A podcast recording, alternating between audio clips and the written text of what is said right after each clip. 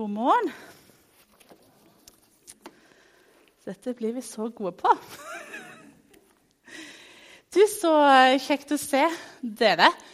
Jeg har um, hatt ferie, og så har jeg vært uh, på Liv og Vekst. Og, uh, forrige søndag var det jo ikke gudstjeneste her fordi det er så mange som er på Vegårtun. Um, så jeg har nesten glemt hvordan det er når vi, når vi er sammen. Så jeg er veldig glad for å se at det er noen som kommer og som har lyst til å, å være her sammen med meg i dag. At det ikke måte er meg og Øyvind og, som sitter her. Og så tenker jeg at det er litt fint òg eh, at vi er så få, for det betyr at veldig mange av de som vanligvis pleier å være her, er så heldige at de er på sommerferie. Og det kan vi jo være glad for. Eh, og dere som er her, er spesielt heldige, tenker jeg, fordi at jeg har hatt sommerferie, og vi gjør mye rart eh, når det er sommerferie. Eh, og jeg har tatt med et bilde til dere fra min ferie. Som marginalt har noe med denne talen å gjøre. Men eh, jeg kommer, eller egentlig så gjør ikke jeg det, men pappa kommer fra en liten øy på Sunnmøre som heter Runde. Eh, og de bor der nå. De tok over pappa sitt barndomshjem når han pensjonerte seg. Eh, og det er jo sånn langs egentlig hele Vestlandet at hvis det bor mer enn to steder på et sted, da har de et spel om det stedets historie. eh, og alle de årene som jeg har, Det har selvfølgelig Runde også. Og alle de årene som jeg har jobbet i barnehage, så har jeg aldri fått lov til å ha ferie så tidlig at jeg har fått lov til å være med. Men i år eh, så har jeg fått lov til å være med og hatt eh, mange viktige roller. Jeg har vært eh, overlevende på skipsvrak. Um, som på en måte er et steg opp, for sist gang jeg var med, så var jeg drukna. uh, og så har jeg fått være goksøyværing, uh, som på en måte er et, uh, et, sted på denne øya. Da, de som bor der, og som plukker opp alle de som drukner. For det dette spillet for det meste handler om, er på en måte alle de skipene som har gått ned rundt runde gjennom historien. Eh, og med alle de skattene eh, som da har gått ned med disse skipene. Og eh, om eh, eh, masse sagn og myter som på en måte kommer som et resultat av det. Og her har jeg altså jeg vil nesten si, en hovedrolle. Jeg kan si det siden jeg er her, ikke der oppe. For det er sånn at Hvert år så skriver man på en måte inn nye ting da, i spelet eh, etter på en måte hva som har rørt seg i samfunnet siden i fjor. Eh, F.eks. var kommunesammenslåing, eh, som vi er veldig imot. Veldig, faktisk.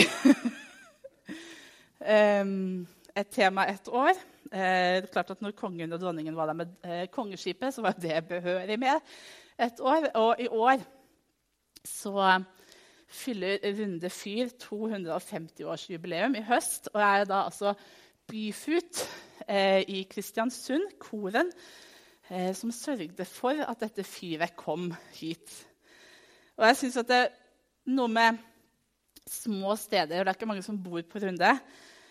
Eh, men litt rundt ca. 100 stykker. da. Og når man trekker ifra alle de som er for syke eller for gamle eller for sjenerte til å være med i spillet, så har man på en måte 25-30 stykker igjen som måtte klarer å lage et kjempearrangement som er veldig gøy å være med på.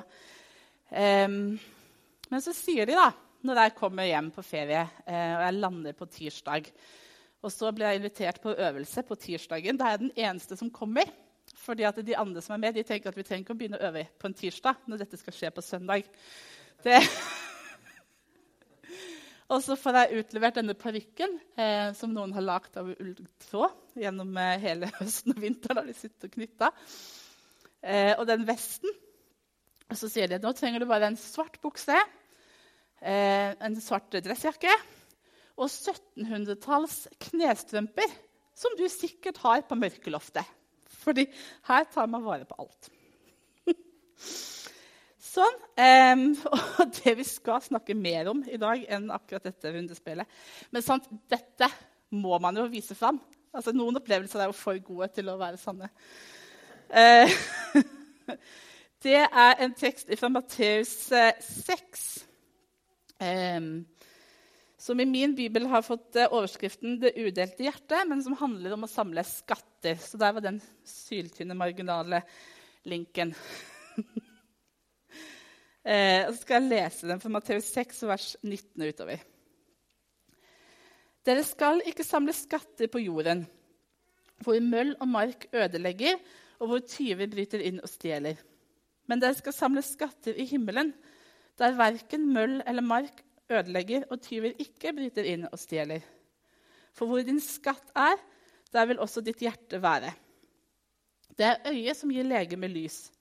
Er ditt øye friskt, blir hele ditt legeme lyst. Men er ditt øye sykt, blir hele legemet mørkt. Om nå lyset i deg er mørke, hvor dypt blir ikke da mørket? Ingen kan tjene to herrer. Han vil hate den ene og elske den andre, eller holde seg til den ene og forakte den andre. Dere kan ikke tjene både Gud og mammon. Og den teksten her er henta fra Bergprekenen. Og Matteus har fem store taler som er eh, gjengitt, som Jesus har holdt. Og han underviser både folket og disiplene. Og dette Bergprekenen det er kanskje den mest kjente. Eh, og det er i alle fall den første vi finner hos Matteus. Og her snakker han først og fremst til disiplene. Eh, det står at folk har samla seg for å høre, men det er disiplene han snakker til, og han underviser dem om måte, hva det vil si eh, å være en disippel, og hvordan dette livet i Guds rike er. Og på mange måter så er det jo sånn at disse tekstene, eh, altså Når Jesus snakker om måte, å være disippel og følge han, eh, så kan det noen ganger oppleves utrolig krevende og utfordrende og veldig radikalt. Eh, og det tenker jeg om den teksten her er veldig sånn krevende, for man må forholde seg til den. Man kan ikke på en måte lese denne teksten og på en måte gå videre. Og når jeg leser den, så får jeg en sånn enten-eller-følelse. Eh, enten så er jeg der at jeg er en sånn som samler skatter i himmelen. Eller så er jeg ikke det. Det er ikke som det ikke fins en sånn mellomting. Jeg eh, kan ikke tjene to herrer. Så hvis jeg ikke er der, da, at jeg følger Jesus 100% og tjener han etter alt, er jeg da automatisk i den andre grøfta. Og så tenker jeg at Det er så lett å bli motløs i møte med sånne tekster. For de måtte bli sånn krevende, Og så er jeg veldig lett for å legge skylden på Jesus. da. For et sted må du plasseres.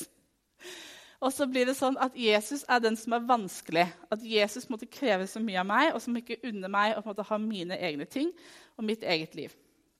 Um, og så tenker jeg at Det handler kanskje litt om at jeg ikke liker det speilbildet som jeg får når jeg møter meg selv i denne teksten. Så tenker jeg at det er ikke sånn at Jesus er vrien og vanskelig og vil gjøre det så ille som mulig for oss å følge han. Men han er den som kjenner oss best, eh, og som kjenner den verden som vi lever i, og som vil det beste for oss. Så kanskje vi kan prøve å lese den teksten i lys av det, at han som ønsker det beste for oss, han sier dette så begynner han med en formaning og en oppfordring. Han sier det samme to ganger. Ehm, for han sier det skal ikke samles skatter på jorden, hvor møll og mark ødelegger, og hvor tyver bryter inn og stjeler. Men dere skal samle skatter i himmelen, der verken møll eller mark ødelegger, og tyver ikke bryter inn og stjeler. Så en oppfordring og en formaning. Samle ikke skatter på jorden, for det blir ødelagt. Skatter på jorden er forgjengelige, og det varer ikke. Det samler skatter i himmelen som varer. Samle ikke skatter på jorden, for det får ingen betydning for evigheten. Men samle skatter i himmelen som får en betydning for evigheten. Så det er akkurat som at Jesus sier til oss ikke kast bort tida. Ikke kast bort tida på meningsløst jag etter gode resultater, eh, en god karriere, penger og materielle ting på å samle mest mulig for deg og dine.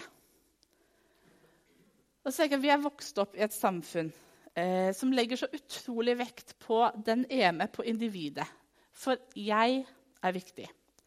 Og jeg er faktisk den viktigste for meg. Og så blir det et sånn utrolig jag etter å prestere og være den beste utgaven av meg. Fordi at jeg må klare å være selvforsynt, klare å skaffe alt det som jeg trenger for å ha et bra liv. Og at jeg bygger mitt eget liv. Fra vi er små, eh, når jeg var liten, og enda mer eh, så ser jeg det i møte med de som nå er barn og unge. At de blir mata med det her. At du må gjøre det bra på skolen fordi at du må komme inn på det studiet som du vil. Og så må du ta på deg masse frivillige oppgaver og verv for å vise at du er en som, som tar initiativ og som bidrar, for at du skal pynte på din egen CV.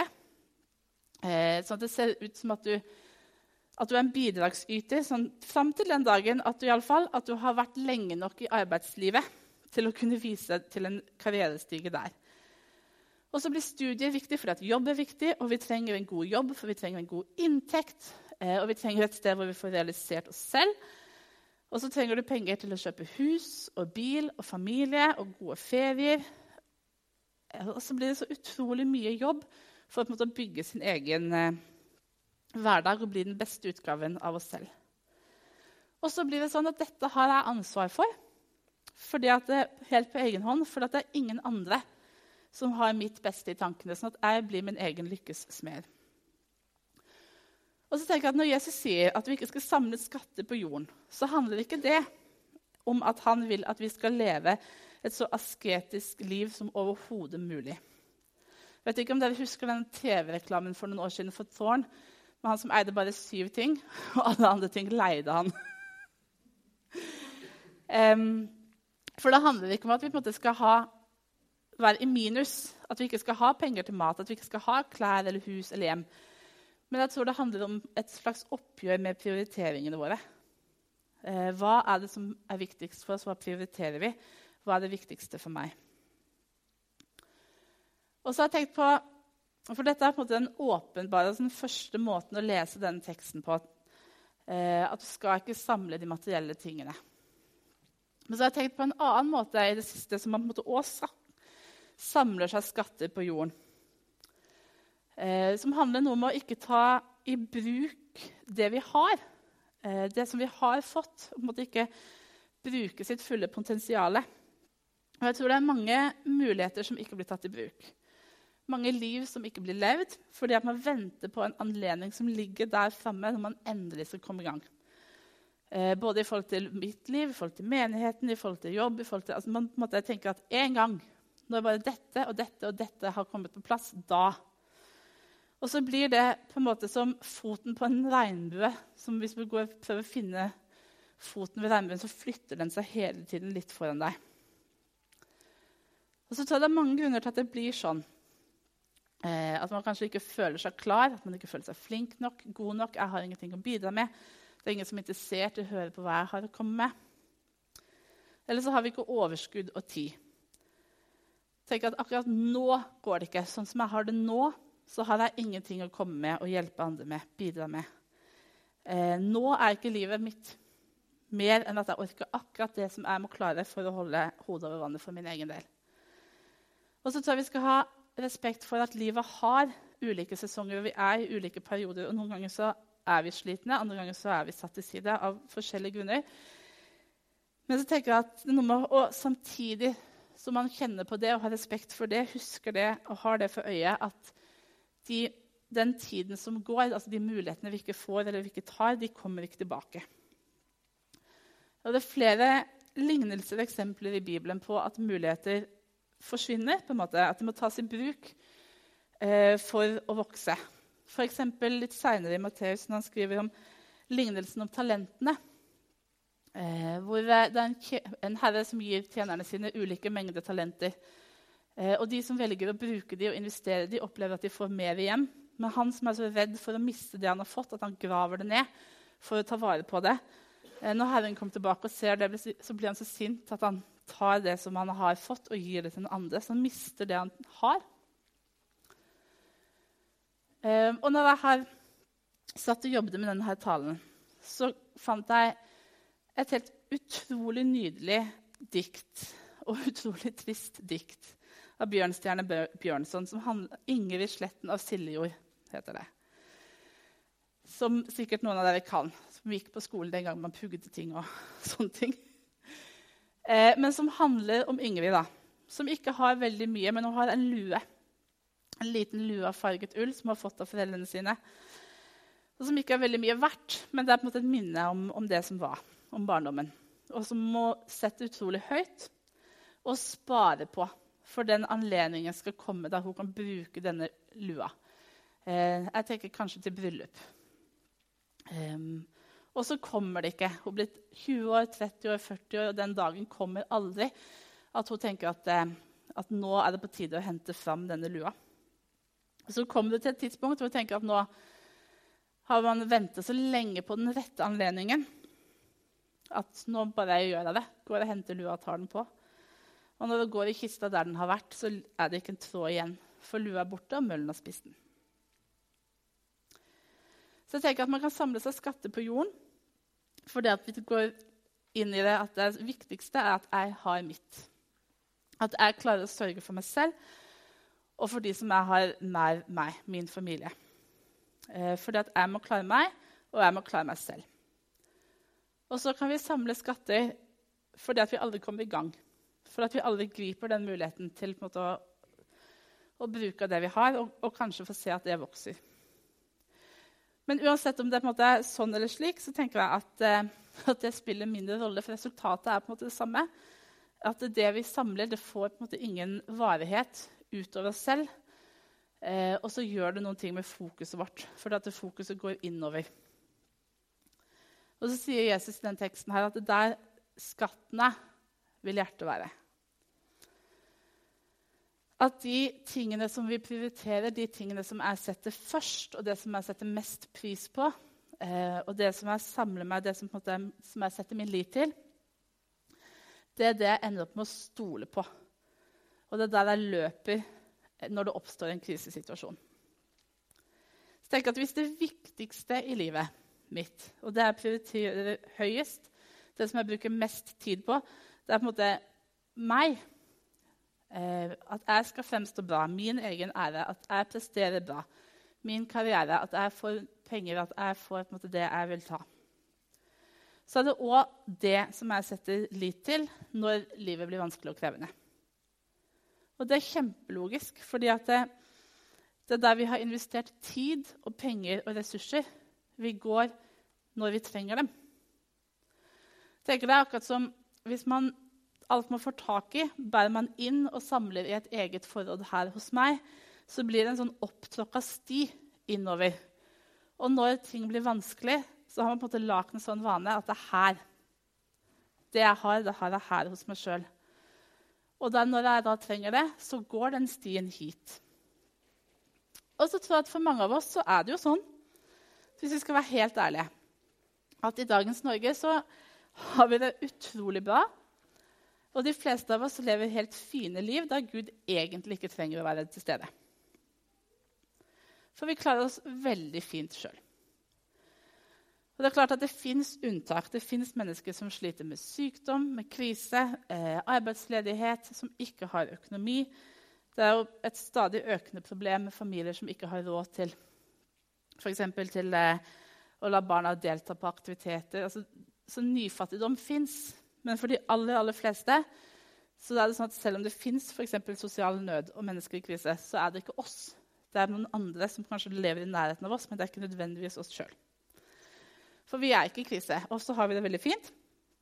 Og så har vi det fint eh, når vi får barn og vi sender dem i barnehagen, og de har det fint på skolen. Og så har de det fint på studier. Eh, og så har vi det fint når vi jobber. Og så har vi en fint hus, og så har vi en fin bil, så har vi en fin familie. Så har vi fine ferier, og vi har fine venner, og vi har fine klær, og vi har fine sko, og vi har eh, fin partner, og vi har det så fint. Og vi klarer det så godt. Og så er det et gammelt ordtak som sier at man trenger god rygg for å bære gode dager. Fordi at i alt det fine der vi klarer oss utrolig bra, så er det så veldig lett å lage den vanen at vi samler skatter oss sjøl. Og hvor ensomt blir ikke livet når den eneste vi har å gå til når vi trenger hjelp, den eneste vi har å gå til når vi trenger støtte, eller den eneste vi kan gå til, er her hos oss sjøl. En av de andre tekstene som hører til denne søndagen, det er fortellingen om israelsfolket som laget seg en gullkarv når de kom ut av Egypt og var ført ut i ørkenen. Og da har Gud befridd Israelfolket og tatt dem med, og han har lagt en pakt med dem. De skal være hans folk, og han skal være deres Gud. Og Han gir dem de ti bud og setter noen sånn leveregler for denne pakten. Og så er Moses, som er den som snakker med Gud på vegne av folket, eh, oppe på fjellet for å møte Gud. Og så står folket ned forbi ved foten av fjellet og venter. Og venter og venter. Og så tar det altfor lang tid. Og så glipper de det av øyet som nettopp har skjedd, med Gud som har ført dem ut fra Egypt, Gud som har sagt at han er deres Gud, Gud som har vist seg som en som kan redde sitt folk. Fordi at når Moses ikke er der og på en måte ivaretar den der linken eh, mellom Gud og folket, så, så, er de litt overlatt til seg sjøl. Og så opplever de at Gud ikke leverer det som de forventer at han skal gjøre. Han er ikke den guden som de tenker at de vil ha. På mange måter så er det som om Gud skuffer dem litt. Og løsningen på det i Israelfolket sitt øyne, det er å lage en gud som leverer det som de trenger. Så de samler sammen fra sitt eget forråd gull, skatter, skaper denne gullkalven. Og så takker de den gullkalven for å ha ført dem ut av Egypt. For at de tenker at eh, dette er den guden som vi trenger. Og vi lager han i vårt eget bilde. Og så at eh, Mange av de skattene som vi samler oss, eh, får nettopp den funksjonen. At det blir en sånn avgud når vi stoler mer på det enn det vi stoler på Gud. Så sier Jesus at ingen kan tjene to herrer. Han vil hate den ene og elske den andre. Holde seg til den ene og forakte den andre. Dere kan ikke tjene både Gud og mammon. Så tenker vi at jeg ville jo ikke ha sagt eh, at jeg har en avgud. For jeg tenker at jeg har ingen gullkalv stående eh, på kjøkkenet som jeg tar fram når livet blir vanskelig. Men så tenker jeg at allikevel så er det noe med at de livet som jeg lever, og de prioriteringene som jeg noen ganger gjør, eh, viser med all tydelighet at jeg har en avgud. Jeg har noe annet som jeg setter lit til. Fordi at eh, min første tanke er ikke alltid å springe til Gud når jeg trenger ham. Så jeg tenker at, Og da blir det sånn at man tjener to herrer. Eh, og at hvis vi ikke klarer å ha fokus på Gud, så vil vi ha fokus på, på det andre som vi setter høyere. Og så sier Bibelen flere ganger og er veldig tydelig på at vi skal bare ha én Gud. Fra begynnelsen i gamle testamentet og gjennom hele Bibelen til slutten så er det det som går igjen. Du skal ikke ha andre guder enn meg. Det er jeg som er Gud, og ingen annen. Og Samtidig som at Gud sier det, og samtidig som at Gud krever den plassen, eh, så er han like tydelig på at vi trenger ikke mer enn én Gud. At Gud, som er Gud med stor G og store bokstaver, er alt vi trenger. Som ser oss, og som kjenner oss, og som vet hva vi trenger, eh, før vi har bedt om det. Det er mange fortellinger og lignelser om at Gud sørger for sine. Han sørger for sitt folk. Og rett etter den teksten som vi har lest i dag, så kommer de der kjente ordene med 'vær ikke bekymret'. Søk først Guds rike og hans rettferdighet, så skal dere få alt det andre i tillegg. Fordi at Gud sier at det, når vi setter vår lit til Han, så vil Han levere det som vi trenger, og at Han som kjenner oss, vet best hva vi trenger. Så Gud vil ikke at vi ikke skal ha, men han vil at vi skal ha orden på prioriteringene, og at vi setter Han først.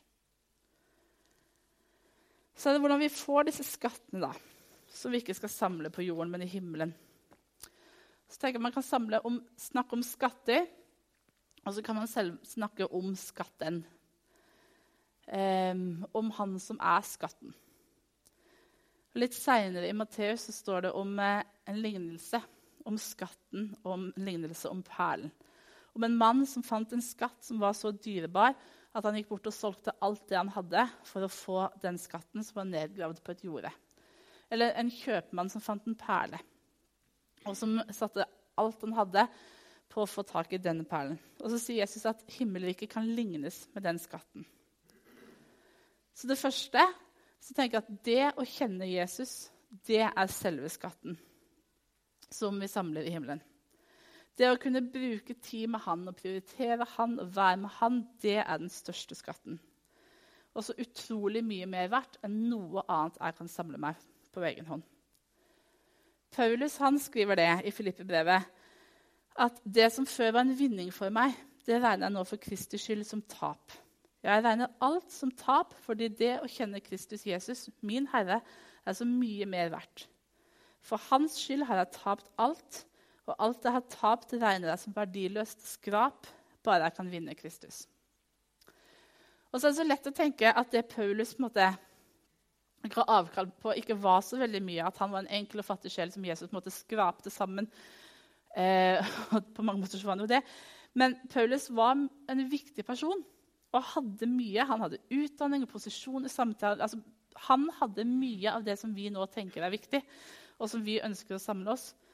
Og så likevel så sier han at han regner det for verdiløst skrap, fordi at det som har fått i Jesus, er så mye større. Og så tenker jeg at det eh, er ikke det å velge bort det som er uviktig, som er vanskelig. Fordi at det klarer vi, altså Med litt trening så skjønner vi på en måte hva som er uviktig, og velger det vekk. Men det som er vanskeligst, er å velge vekk alt det som er viktig. Eh, og som helt på ekte er viktig, for det som er viktigst. Og så tenker jeg for det andre at det livet som vi lever nå, den livet som jeg lever nå med Jesus, er en forsmak på det som skal komme. En dag i himmelen, når Gud gjør alle ting nye.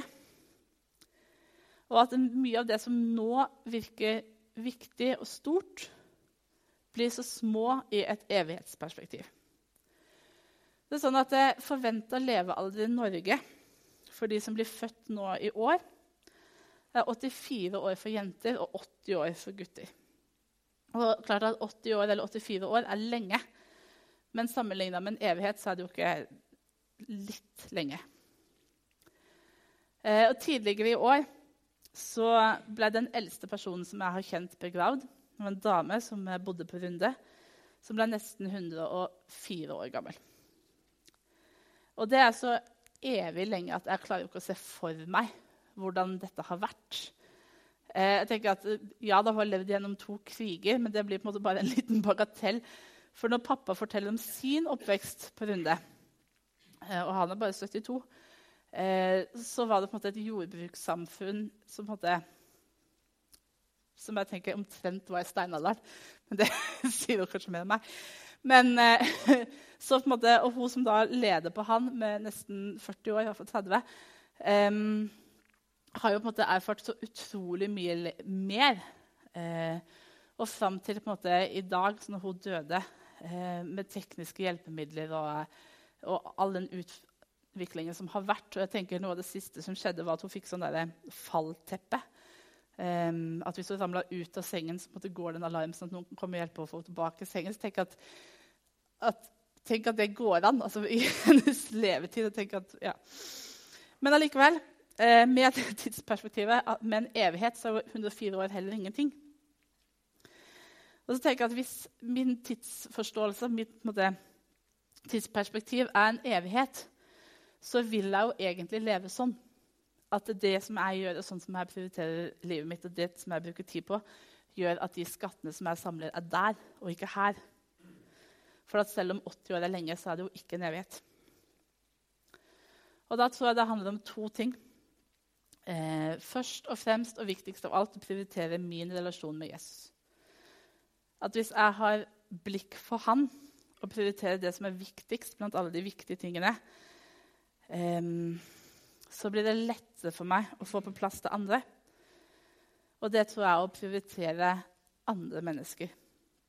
De som vi omgås.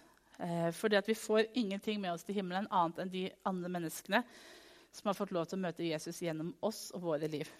Eh, sånn at eh, I et evighetsperspektiv så er det på en måte mitt forhold til Jesus og andre menneskers forhold til Jesus som betyr noe, og alt annet gjør ikke det.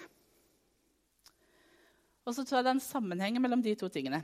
At Jo større plass Jesus får hos meg, og jo større den skatten blir for meg, jo enklere blir det med de prioriteringene som må til for at andre òg skal få lov til å se og møte Jesus gjennom mitt liv. For at det vanskeligste er å prioritere det viktigste. Og når det er på plass, så, løsner mye av det annet. For det er jo sånn at mye av det som vi har snakket om i dag, med penger og utdanning og jobb, er ikke uviktige ting. Det er bare mindre viktig enn det faktum at Gud har invitert oss til fellesskap med Han, og at vi kan få lov til å være med og ta andre med inn i det. Så det mitt håp og det som jeg ønsker for mitt liv, er at, eh, at, jeg i større grad skal få lov til å sette Jesus først. Eh, og for oss menighet at vi i større grad skal sette Jesus først. Og at det er det vi bruker tid på. At vi ikke kaster vekk tid på uviktige ting. Eh, fordi at um, vi heller prioriterer det som har noe å si for evigheten. Skal vi be. Kjære Jesus, jeg har lyst til å takke deg for um, at du er vår skatt. At uh, du har gjort uh, alt det du kunne, at du var villig til å legge ned alt ditt og alt din ære og all din rikdom å bli menneske, og at du kom oss i møte for at eh, vi skal få lov til å møte deg. At du har gjort det som trengtes for å gjenopprette forholdet mellom oss og deg. Og jeg ber om at du skal hjelpe oss, eh, hver enkelt av oss, også menighet, til å løfte blikket og til å, å se på deg. Eh, og sette deg eh, høyest og bruke tid med deg og prioritere deg. Og ha fokus på deg og ikke på alle de andre viktige tingene som har lyst til å komme og spise opp eh, tida vår.